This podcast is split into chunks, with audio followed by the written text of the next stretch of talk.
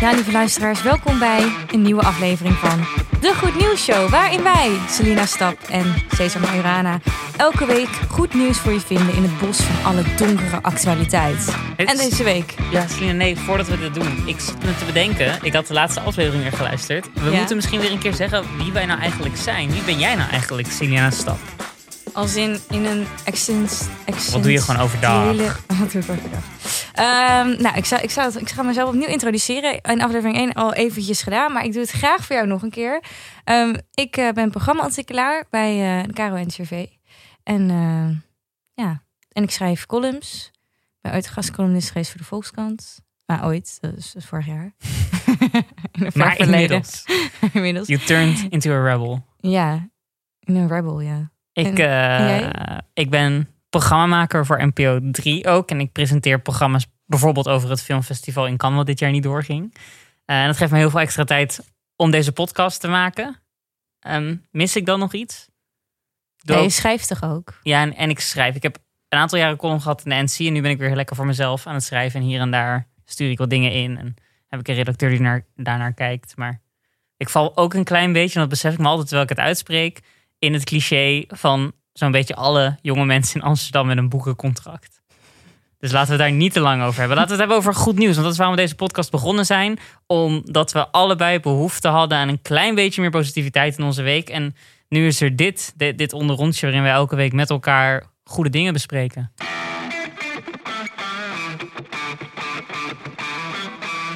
En eh, waar hebben we het deze week over, Cees? Vertel me het. Nou, burgemeester Marcouch pakt intimidatie van vrouwen bij abortusklinieken aan. Nuttig. Dan is er bijengif en dat geneest sommige borstkankercellen. Hier ben ik heel benieuwd naar. Er zijn ook meer fietspaden in Parijs door de coronacrisis. Dat is een beetje een weird nieuwtje, maar daar kan ik je meer over vertellen. Scrabble disqualificeert racistische woorden bij Scrabble-wedstrijden. Citibank benoemt Jane Fraser tot eerste vrouwelijke CEO van een grote Amerikaanse bank. En in Argentinië is er een 1% quotum voor transwerkers in de publieke sector. Dat is echt baanbrekend. Maar Cees, voordat we beginnen met eh, de korte nieuwtjes. Wij hebben iets te vertellen. Ik Oh, weet ja. namelijk al. Jij maakt een bruggetje, hè? Ja, ik Oké, maak ja, een maar. bruggetje. Want eh, we, willen, we beginnen altijd even met wat positief was aan onze week. En nou, wat positief was aan onze week is dat we er allebei achter zijn gekomen dat we geen corona hebben. Dat is toch wel echt heel fijn. Maar het kwam doordat we dus, ja. Nou, jij kreeg een berichtje van iemand waar we allebei contact mee hadden gehad. Dat, eh, Ja, contact mee hadden gehad. Ik, dat vind ik dus met al die coronaberichten. Als je contact hebt gehad, dat klinkt alsof ik met iemand naar bed ben geweest. Dat is niet gebeurd. Wij stonden op een fotoshoot voor een evenement waar we allebei iets zouden gaan voorlezen. En op die fotoshoot was iemand die een paar dagen later heeft vastgesteld het COVID-19-virus te hebben. Ik krijg een appje. Hey Cesar, slecht nieuws. En ik denk allerlei scenario's. En ik was gewoon voor heel even, de drie seconden dat ik dat bericht las en nog geen ander antwoord daarop had, dacht ik dat corona niet bestond. Ik was gewoon drie seconden lang in de hemel zonder corona en opeens kwam daar het bericht. Wij hebben een fo- fotoshoot gehad in de buitenlucht en eh, we hebben niet de hele tijd op anderhalf meter afstand gestaan. Dat klopt, dat is onze eigen schuld. Maar nu eh, is er de kans dat je ook misschien besmet bent met het COVID-19-virus. En ik ging totaal in paniek. Ik was in maart, toen de crisis losbarstte, sowieso al iemand die zeg maar de deur niet eens uit wilde. En ik heb ook een keer ruzie gezocht met eh vriendin, omdat ze eh, buiten de struiken ging aanraken. En zei ik van, je mag niet je hand in de struik doen. Straks heeft iemand met corona die struik ook aangeraakt. maar jij bent wel echt op een ander level hoor. Holy shit. Maar het goede nieuws is, ik heb jou gehept. Ik zei, Selina, we gaan meteen testen. We kunnen woensdag niet onze podcast opnemen. We moeten nu alles op alles zetten om andere mensen niet te infecteren. Nou, we zijn allebei getest en allebei dus schoon, Ja, schoon. negatief getest. En wat ook echt, want ik was voornamelijk, ik was niet zo bang voor corona, maar voornamelijk voor de test.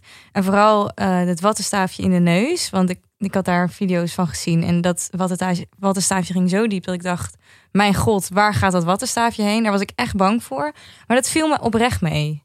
Mensen die klagen over dat wattenstaafje hebben nooit een flink jeugdtrauma of zo meegemaakt. Er zijn dingen in de wereld die veel meer pijn doen dan een stokje twee seconden in je neus. Ja, oké, dat is, is ook zo als je het ervaart. Maar als je het ziet, dacht ik toch: Man, man, man, the fuck.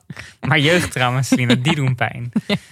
Er is altijd iets ergers. Maar Goed, we hebben geen corona, dat is fijn. Dit is de eerste coronavrije podcast. 100% gegarandeerd in Nederland. Dat kan niet anders. We zijn echt gisteren getest. Holy shit, we gaan hier reclame mee maken. Ik denk dat mensen ons extra gaan beluisteren door, door dit nieuwtje.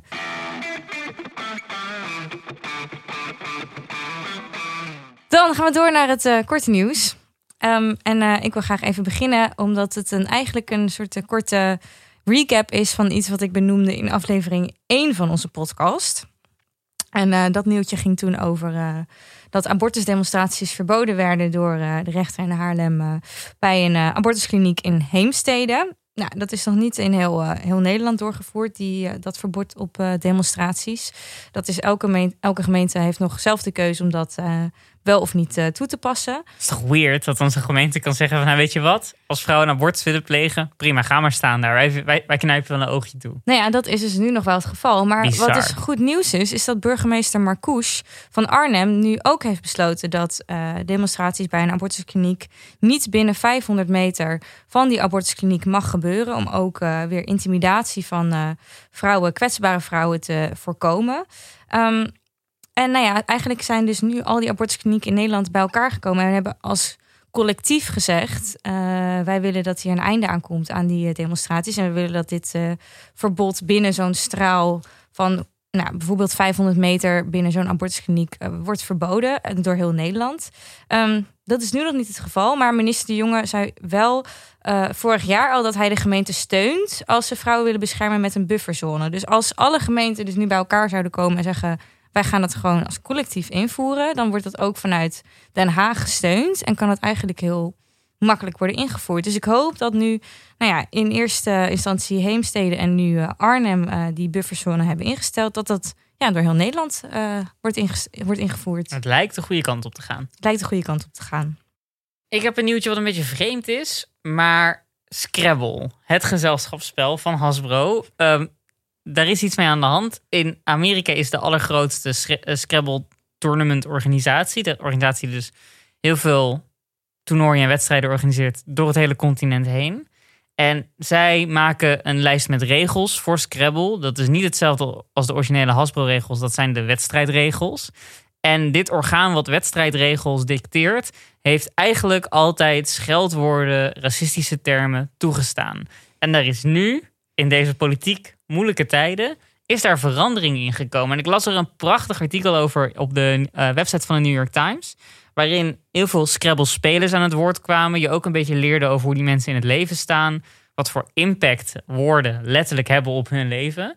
En ook dat er dus verhalen waren van mensen die, ja, die, die in een racistische term voor zich uitgespeld worden.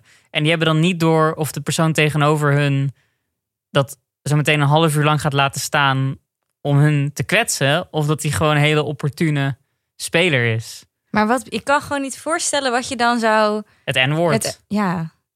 Het N-woord. Uh, antisemitische woorden.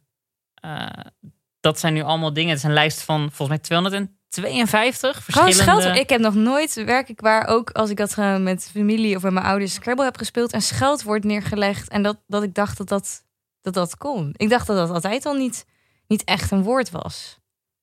Je durfde niet scheldwoorden te, nee, leggen. Ja, nee, ik dacht niet. Ik heb wel heel vaak. Ik, dacht ik niet, heel vaak staat... op, op een scrabblebord gelegd. Ja, oké, maar dat, is niet per se racistisch. dat niet, ik ken ook niet heel veel andere woorden met de u, zeg maar.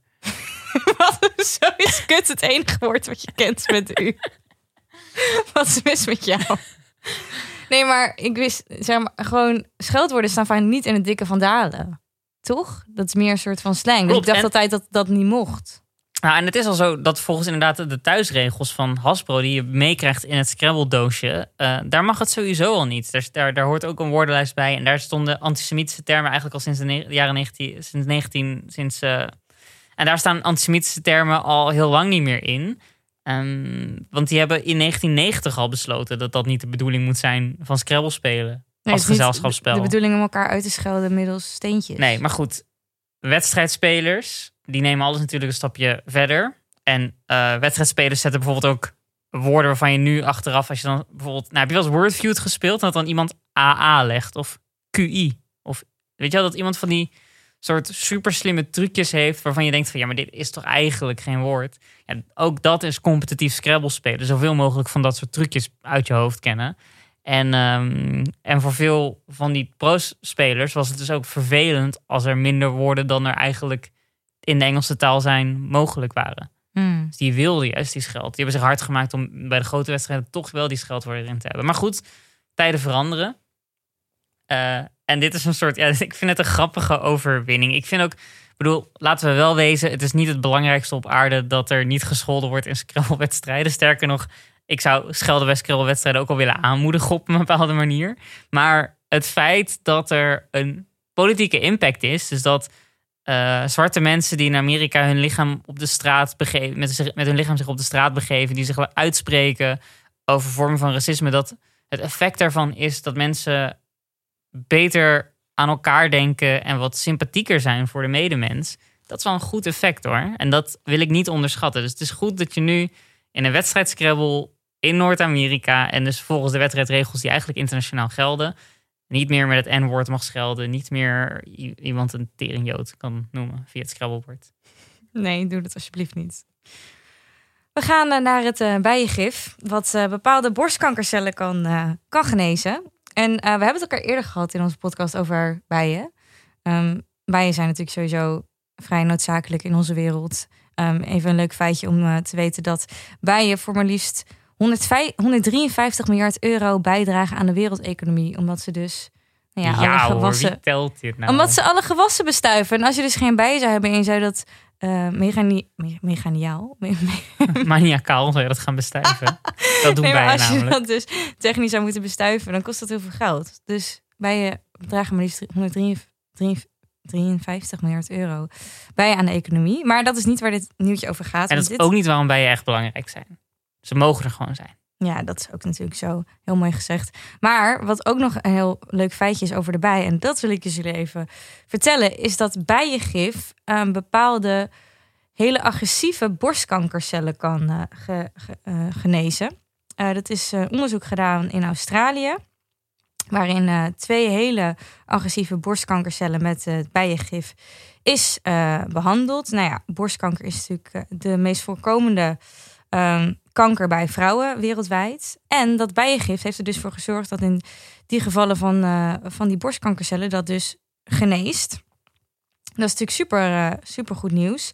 Uh, en bijengif is ook bijvoorbeeld al gebruikt om bepaalde huidkanker te genezen. Dus het is niet alleen voor borstkanker, maar ook nog eens voor. Maar er zijn dus mensen die, die nu kanker hebben, die genezen dankzij de bij. Nee, nee, nee, nee, We zijn nog niet zo ver in het onderzoek. Dus het is nu gewoon ontdekt dat het bijengif die borstkankercellen kan genezen. Maar nu gaat het echt naar de volgende fase. Dus nu gaan ze eerst uh, op muizen dit nog testen en daarna pas op mensen.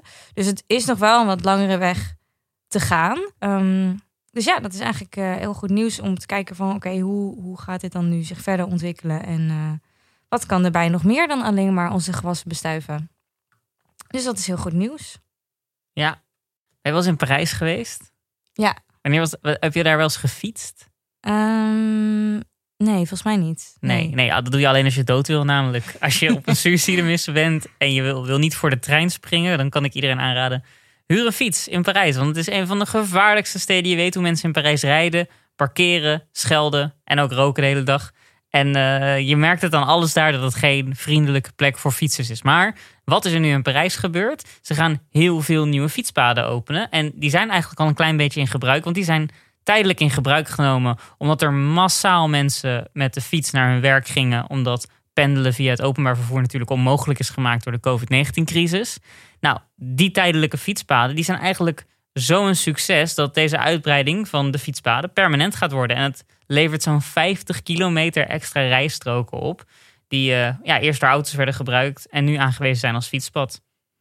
Ik vind dat echt goed nieuws. Ik heb namelijk zo vaak, als ik dus in het buitenland ben, dat ik dan in een stad loop en ik denk, waarom zijn er geen fietspaden? Ik mis dan altijd zo erg de vrijheid en het gemak van de fiets als vervoersmiddel. Dat is gewoon heel vaak En zeker een, een, stad als uh, Parijs, een van, een van mijn lievelingsboeken, waar ik als ik het lees nooit iets van begrijp, maar waarvan ik toch blijf zeggen dat het een lievelingsboek van me is, is het uh, Arcade-project van Walter Benjamin, filosoof. En die schrijft over hoe eigenlijk Parijs en dan vooral de arcades, dus de, de galerietjes die je in Parijs hebt, hoe die zijn ingericht eh, door arbeiders. eh, met het idee om paard en wagen te vervoeren. Maar ook met het idee dat bepaalde delen van de stad sneller konden afgesloten worden in, in tijden van een protest. Er zit zoveel filosofie in hoe Parijs is gebouwd. Maar nergens in die filosofie eh, was fietsen nou echt een heel groot onderdeel.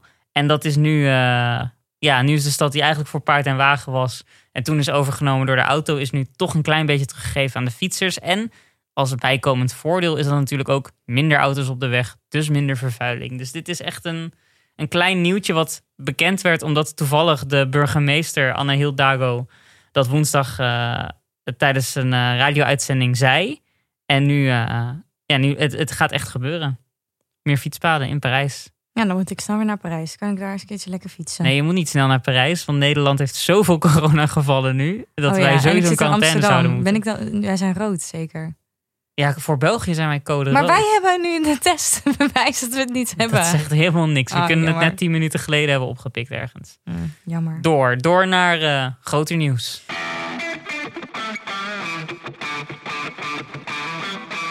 Ja, en het grote nieuws waar ik het over wil hebben is dat de Citibank, dat is een van de grootste banken wereldwijd, kunnen we wel zeggen, heeft een eerste vrouwelijke CEO benoemd. En dat is namelijk Jane Fraser. En waarom is het nou zo'n groot nieuws? Omdat nog nooit in de Amerikaanse geschiedenis een van de grootste banken van Amerika een vrouwelijke CEO heeft gehad. Dus 2020 is het eerste jaar ooit dat een grote Amerikaanse bank een vrouwelijke CEO heeft. Wat natuurlijk eigenlijk best wel gek is, want nou ja, waarom heeft dit zo, eh, zo lang geduurd? Maar het is natuurlijk wel heel goed nieuws dat het nu wel gebeurt. En dat zeggen ze zelf ook in het statement, namelijk ze zijn hier ook heel trots op. En wat ze zeggen is: Citigroup is leading by example by adding diversity to the top of the firm when our country is crying out for this more than ever before. History has been made today. Nou, dat vind ik toch mooie woorden. Zo hè, Amerikaans. ja, het is heel Ik, Amerikaans. wat, maar even voor mijn begrip. Wat is er nou bijzonder aan het feit dat zo'n doodenge bank... die geld verdient... eh, prim- een van de primaire dingen waar banken aan verdienen is eigenlijk schuld. Ze verdienen geld aan mensen die in het rood gaan staan... mensen die een eh, lening afsluiten en daar rente over betalen. Daar verdienen banken aan. Je zou zeggen... Een vervelend businessplan. Want als het slecht gaat met een hele grote groep mensen, gaat het goed met de Citibank. En hoezo is het dan belangrijk dat een vrouw daarvan de baas is? Nou ja, het gaat, kijk, of het principe van banken wel of niet positief is, dat is natuurlijk een andere discussie. Het gaat erom dat de eh, bedrijven in de wereld die de grootste macht hebben, zoals banken, niet alleen door mannen zouden moeten worden geleid. Dat is mijn mening.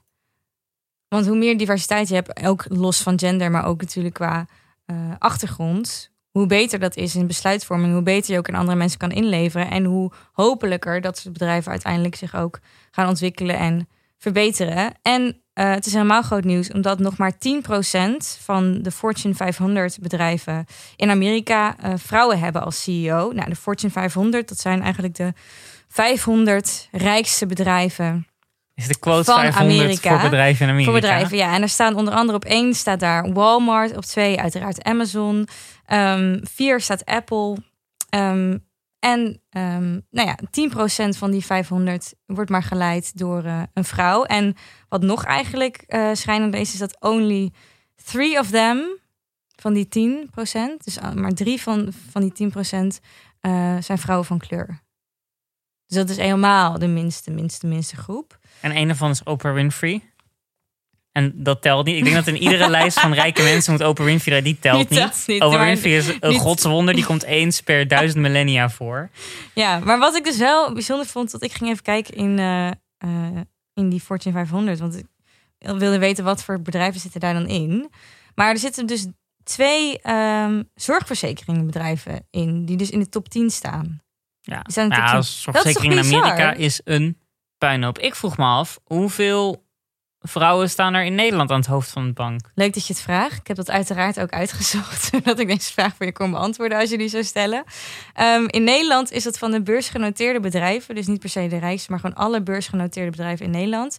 En minder dan 5% van de CEO's is vrouw. Dus van alle beursgenoteerde bedrijven in Nederland. En dit is echt een leuk, nou, het is eigenlijk helemaal geen leuk feitje, het is schijnend, maar het is heel grappig.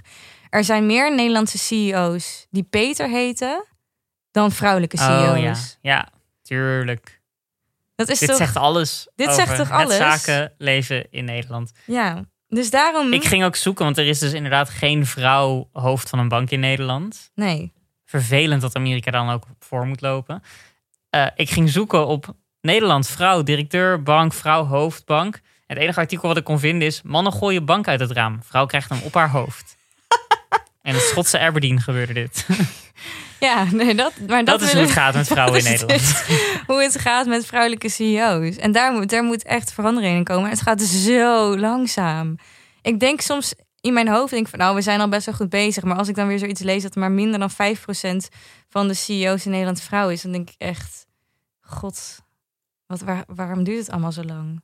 Natuurlijk en niet alleen qua vrouwelijke diversiteit, maar qua alle diversiteit. Maar eh, En heb je, heb je wel aspirant CEO vrouwen om je heen? Je zit in een beetje in een feministenclubje, durf ik wel te zeggen. Je kent veel coole vrouwen. Feministenclubje, ja. nou ja, ik weet het eigenlijk niet. Want alle. ehm, ik, ik, ik werk natuurlijk zelf in de media en ik kom uit een eh, achtergrond van ook theater. Dus ik ken vooral veel mensen in de creatieve sector die niet echt bezig zijn met grote beursgenoteerde bedrijven eh, te leiden. Ehm, maar wat natuurlijk wel zo is, wat gewoon feitelijk is, is dat bijvo- bijvoorbeeld als, als je vrouw een start-up he- hebt, dus een start-up, dus dat zou kunnen uitgroeien tot een beursgenoteerd bedrijf, dan is de kans dat jij investeerders vindt echt vele malen kleiner omdat je vrouw bent dan als je man bent. Omdat het toch nog een soort van vooroordeel is dat vrouwen niet in staat zijn om een groot bedrijf eh, eh, te runnen. Dus dat is natuurlijk ook een van de redenen. Niet alleen omdat ze minder snel worden aangenomen als CEO's, maar ook omdat ze minder snel de kans krijgen om een beginnend bedrijf tot succes te maken, omdat ze geen investeerders krijgen voor hun bedrijf, omdat ze vrouw zijn. Ik zie deze visieuze cirkel en ik begrijp hem volledig. Je ziet namelijk ook altijd van die interviews in de Quote 500 of in een of ander, een of ander business profiel op de achterpagina van de NRC. En dan zie je zo'n angel investor. Je ziet dan zo'n super blije man die dan 100 jaar lang een of andere sector heeft leeggetrokken en nu gewoon investeerder is geworden. En dan zo'n jonge, jong ventje, jong computerventje. En altijd zie je een soort bro-ding ertussen. Het is altijd zo'n oude vent met twee jonge gasties uit Delft of met twee jonge jongens uit Eindhoven die dan iets grandioos aan het plannen zijn. Ja, die zien Maar dan dat is per definitie een soort bromance dingetje. Ja, ze zien denk ik een soort van jongere versie van zichzelf in zo iemand. En dat is herkenbaar.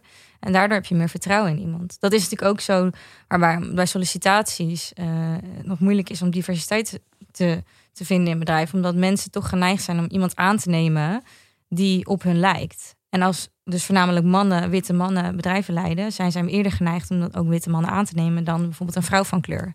Dat is gewoon de mens eigen om toch te kijken naar wat herken ik en daar dan sneller veilig bij voelen of sneller vertrouwen in te hebben.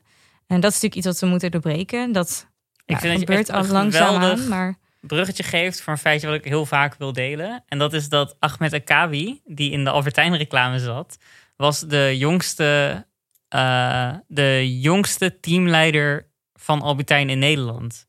Terwijl hij was ook acteur, speelde in het Huis Anubis. Maar hij was ook Appie in de Albertijn reclames. De bekende Al- Albertijn reclames met Harry Piekema.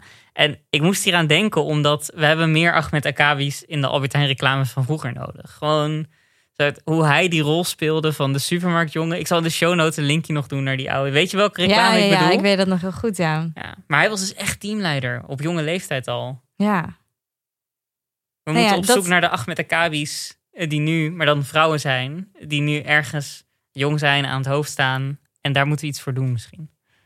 misschien kunnen we dat een keertje in een maar wat doe jij dan achtige setting. eh, Ik ga hierover, ik ga hierop broeden. is goed.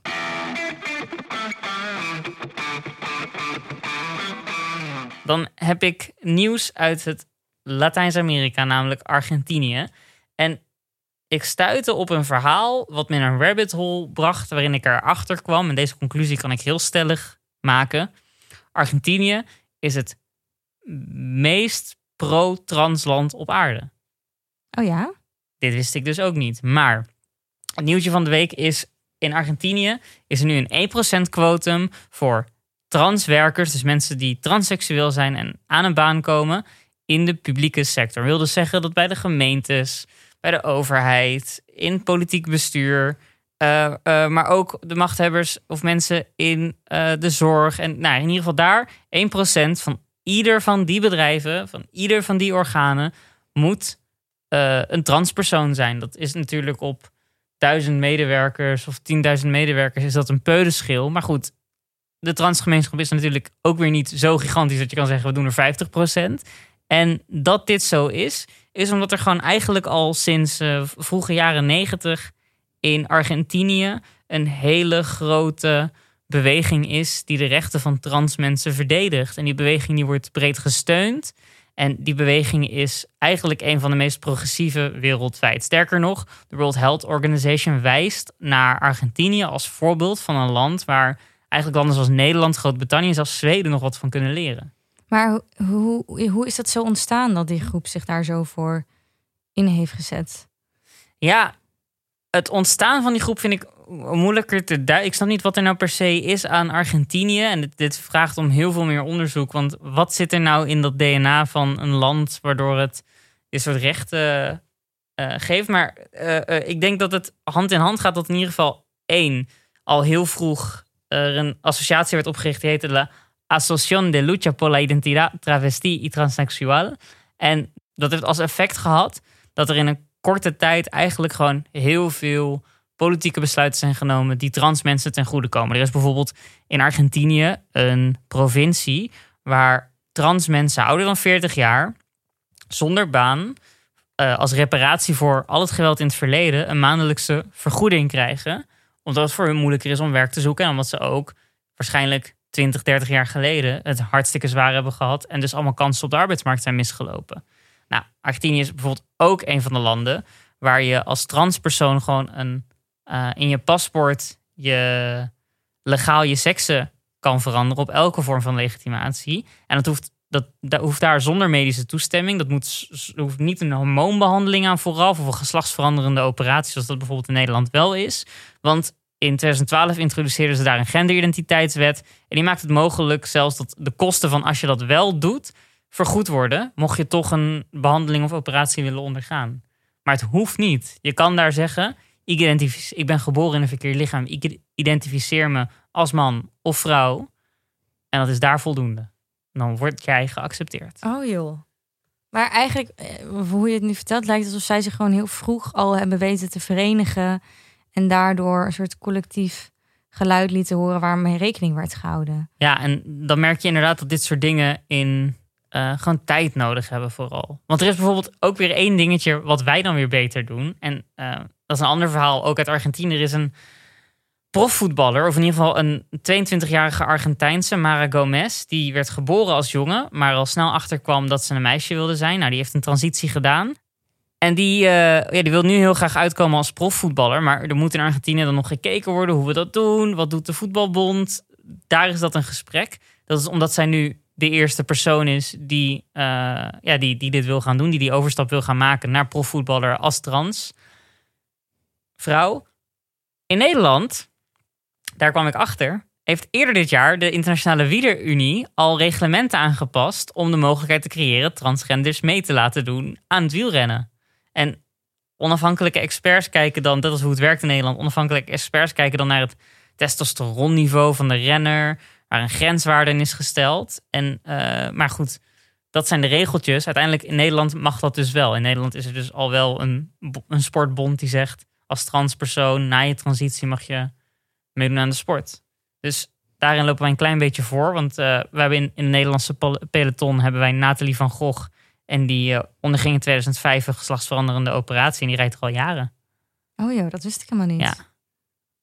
Dus maar... Maar net eigenlijk welke kwestie vecht je als eerste aan als land? En welk, kijk, alle vrijheden, die moet je bevechten. En deze vrijheden voor trans mensen, die belangrijk zijn voor mij als niet-trans persoon, omdat je gewoon weet dat de meest gemarginaliseerde groep in de samenleving, nou, dat zijn nu toch vooral trans mensen die en te maken hebben met, met, uh, uh, met seksueel geweld en met fysieke intimidatie en uh, met stereotyperingen. Dat, het is gewoon een groep die het heel zwaar te verduren heeft. En je moet je altijd voor dat soort groepen inzetten, want daarmee behoud je de vrijheden voor heel veel andere groepen die daarna volgen en die mhm. ook gemarginaliseerd zijn. Ja, en wat ik mooi vind aan dit nieuwtje, dus, dus die 1% uh, eh, quota in de, in de publieke ja, sector. Gewoon aan baan helpen. Maar want dat is natuurlijk vooral ook in Zuid, nou eigenlijk over heel de wereld, maar in Zuid-Amerika een groot probleem. Dat omdat eh, trans mensen zo worden gediscrimineerd dat ze vaak uiteindelijk als sekswerker de enige Klopt, manier ja. is om, eh, om, aan- om geld te verdienen. Omdat ze zo worden gediscrimineerd dat ze gewoon nergens aan de slag kunnen. Dat is in heel veel Zuid-Amerikaanse landen is dat zo. Dus als het nu in Argentinië, ehm, nou ja, in de publieke sector dat quota wordt gehanteerd, vind ik echt wel een heel goed signaal ook naar andere landen in, eh, in het continent en nou, überhaupt wereldwijd. Ja, en zelfs in Nederland, want ook wij hebben hier transseksuelen die misschien in onveilige situaties sekswerk doen. Dus al met al, ik vind dit een super nieuwtje. Ik vind het heel goed nieuws. Heel goed nieuws.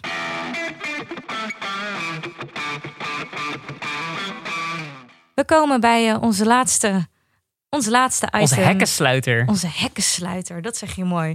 Maar wat doe jij dan? Want we hebben het natuurlijk de hele tijd over wat voor goede dingen er allemaal gebeuren in de wereld. Maar we kunnen natuurlijk zelf ook wat doen. En eh, deze week, Cesar, Was het aan jij mij Ja, om een kleine bijdrage te doen aan het grotere geluk.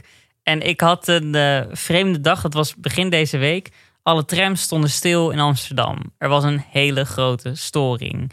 En die storing, die liep van... nou, ik woon ongeveer aan het Surinameplein. En die liep vanaf waar ik woon tot aan de binnenstad. Daar stond gewoon, de hele tramrail stond vast door één tram. Dus alles langs die route moest of omgereden worden of kon er niet langs. Maar goed, op die hele route dus geen trams. En ik kom daarachter waarom, omdat ik bij de tramhalte sta en ik kijk naar het bord. En ik zie opeens dat er staat: de tram komt om 10 minuten, de tram komt om 10 minuten, de tram komt over 10 minuten.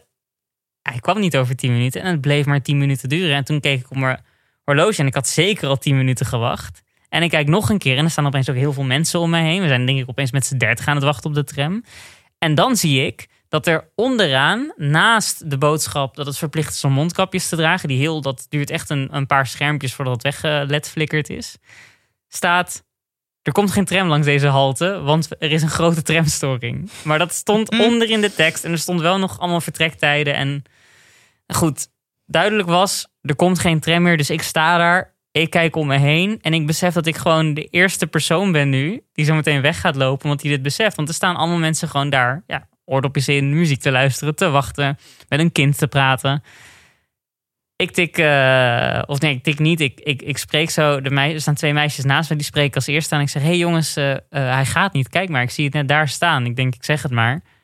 En ik zie dat zij wakker schrikken, meteen weglopen. Een aantal andere mensen doen dat ook. Dan komt er een vrouw naar mij toe. En opeens verander ik in een soort van de GVB-expert van dienst. En leg ik uit van, nou mevrouw, ik weet er niet meer van. Maar volgens mij rijdt de tram niet, want ik sta al lang te wachten. En ik zie nu daar staan dat hij niet meer deze halte gaat passeren.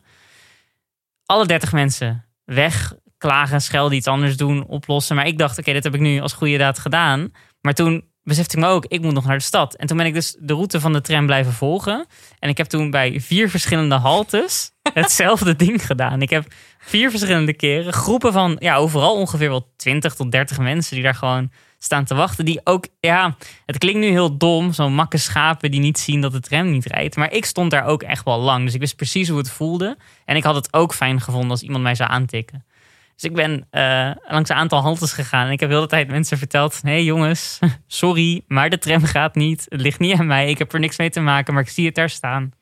Werd je wel bedankt? Want je zei net, ze liepen allemaal scheldend en zo weg. Ja, dat gebeurde dus echt heel weinig. Omdat, en ik kan me voorstellen waarom. Want mensen die, die schamen zich dan of zo. De meeste mensen tegen Dat wie ik het het niet zei, die zeiden... Oh ja, ik dacht al zoiets. Toen Oh ja, hoezo stond je er dan?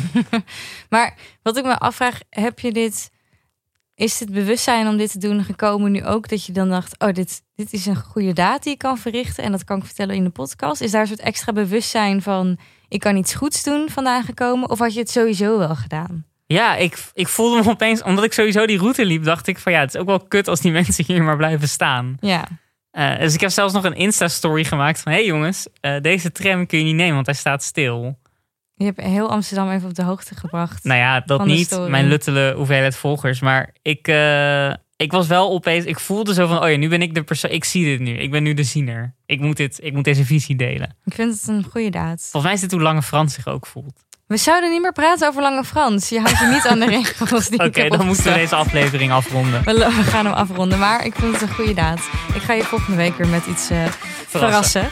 Ehm, We zijn bij het einde gekomen van onze podcast, maar we hebben een paar huishoudelijke mededelingen. Dus klik nog niet weg, want je kan ons steunen via onze Vriend van de Show pagina. Je kan naar ons Instagram gaan, dat vinden we heel leuk als je ons gaat volgen of ons een DM uh, tips geeft voor goed nieuws bijvoorbeeld. Ik je had een mailen. aantal uitzendingen geleden had ik het dus over die eh, Nelly Singerling, die vrouw die parachute wilde springen als eh, eh, sponsorloop eigenlijk. En ik had nog geen foto van haar gezien. Ik had helemaal dat nieuwsbericht besproken. Ik, ik- maar ik heb dus een foto van haar dat ze... Nou, als je een 92-jarige vrouw wil zien springen uit de vliegtuig... dan moet je naar onze Instagram. Ja. Het de Goed Nieuws Show. Het is een hele goede Dat wil ik eigenlijk zeggen. Dat wil je zeggen. Ik wilde nog even zeggen dat we ook een e-mail hebben waar je ons op eh, kan contacten eh, met goed nieuws als je dat leuk vindt. En vergeet niet even een leuke recensie achter te laten op Apple Podcast. Dat was hem voor deze keer. Dankjewel. De volgende.